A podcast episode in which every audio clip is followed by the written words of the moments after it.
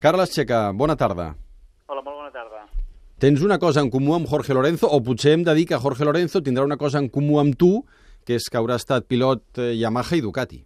Pues sí, la veritat. Eh, vaig estar molts anys a Yamaha, amb el, conservo una gran relació, i, i, i també amb Ducati, no? que és amb la marca que vaig guanyar el Mundial, i, i amb la marca encara em continuo vinculat per, per altres coses en aquests moments. Què, què, què t'ha semblat la notícia del fitxatge de Jorge Lorenzo per, per Ducati per córrer MotoGP les pròximes dues temporades? Lo lògic, no? Eh, sentit comú, des del moment que Yamaha i el Valentino anuncien la continu... a Qatar la primera carrera, que continuen dos anys més, és com una invitació a marxar per Lorenzo, no? Està clar que aquí tot pilot vol ser líder de l'equip, i més quan guanyes, i jo suposo, entenc que, que Lorenzo és el que volia aconseguir, però impossible fer-ho amb el Valentino al costat. A més a més, jo sé que ja amb Ducati ja hi tenien contacte de l'any passat, ja vam estar parlant, vam estar mirant, i entenc que aquest any, més que mai, doncs, eh, el Lorenzo pues, té una visió clara de que la Ducati està, està al nivell per guanyar i crec que li, li aportaran el necessari, indispensable per, per que ell estigui gust i perquè pugui aspirar a poder lluitar per al Mundial. Vamos, és que no veig cap punt negatiu i, i tots positius per, perquè s'hagi fet aquest canvi, no? inclús a nivell de, campi per, de cara al campionat i de cara a, a aquest esport, doncs crec que és molt interessant doncs, de que, de que faigui, faigui aquest canvi i, i serà bo per tots en general. A més a més, doncs, jo crec que per a Lorenzo després de guanyar tres anys amb Yamaha, veurem aquest any què succeeix, però crec que també és un estímul molt bo en tots els aspectes, no? mentals i, i, i jo crec que a nivell tècnic també tindrà un recolzament molt bo. Tu, tu veus que la Ducati veritablement està preparada perquè l'agafi el Jorge i la faci campiona del món?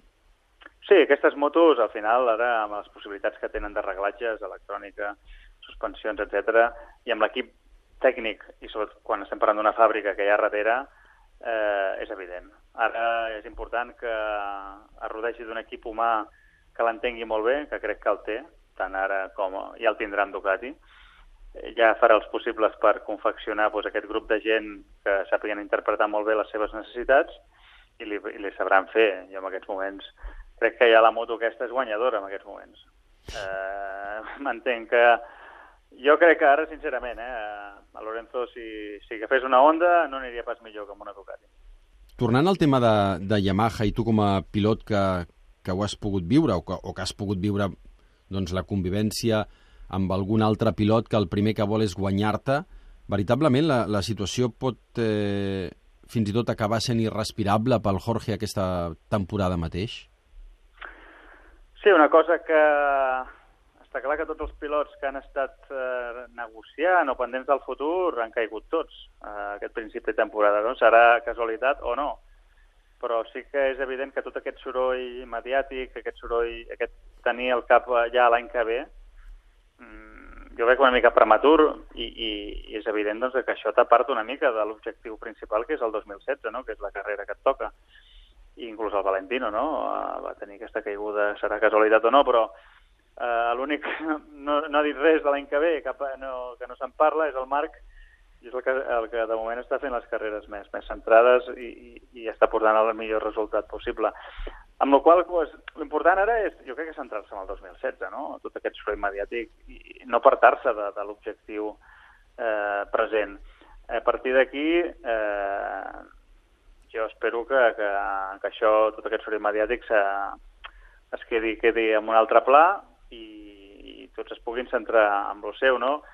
Però, però bueno, és evident doncs, que, per una altra part, eh, tenir un pilot, eh, un rival tan important, amb un clima mm, tan tens, doncs tampoc ajuda. Un vol estar a gust dintre l'equip, vol que l'equip tot l'equip treballi per ell, és el que tots els pilots, inclús el Valentino, ha lograt, no? Es quedarà Yamaha segurament amb algun altre pilot i tindrà una situació més, més controlada d'entrada, i, i el que vol Lorenzo és això, anar a Ducati ser el líder, com el Marc pues, està fent a Monda, i està clar que jo crec que de cara a la tranquil·litat d'un pilot eh, i gestionar una mica dintre de l'equip, doncs eh, és una tensió menys, que al final, quan estàs lluitant per un campionat, tot és important, tot és relevant i tot ajuda o no.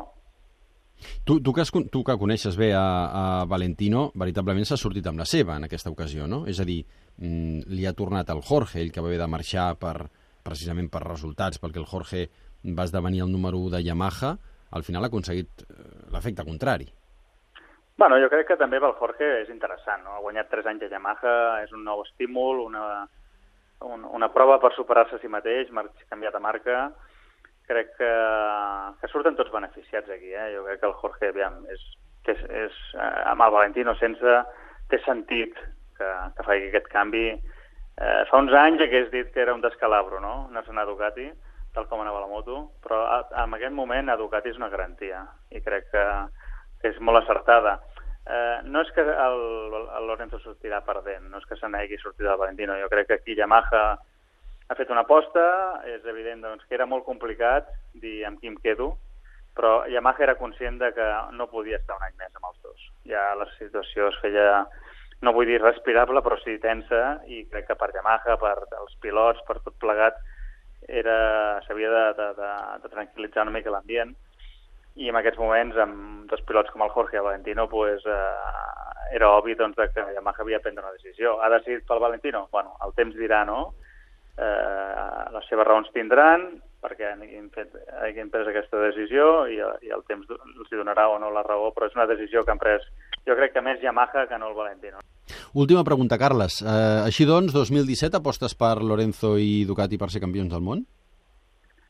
Eh, sense cap dubte sense cap dubte. Crec que l'únic problema que tindrà Lorenzo és Marc Márquez, per no ser-ho.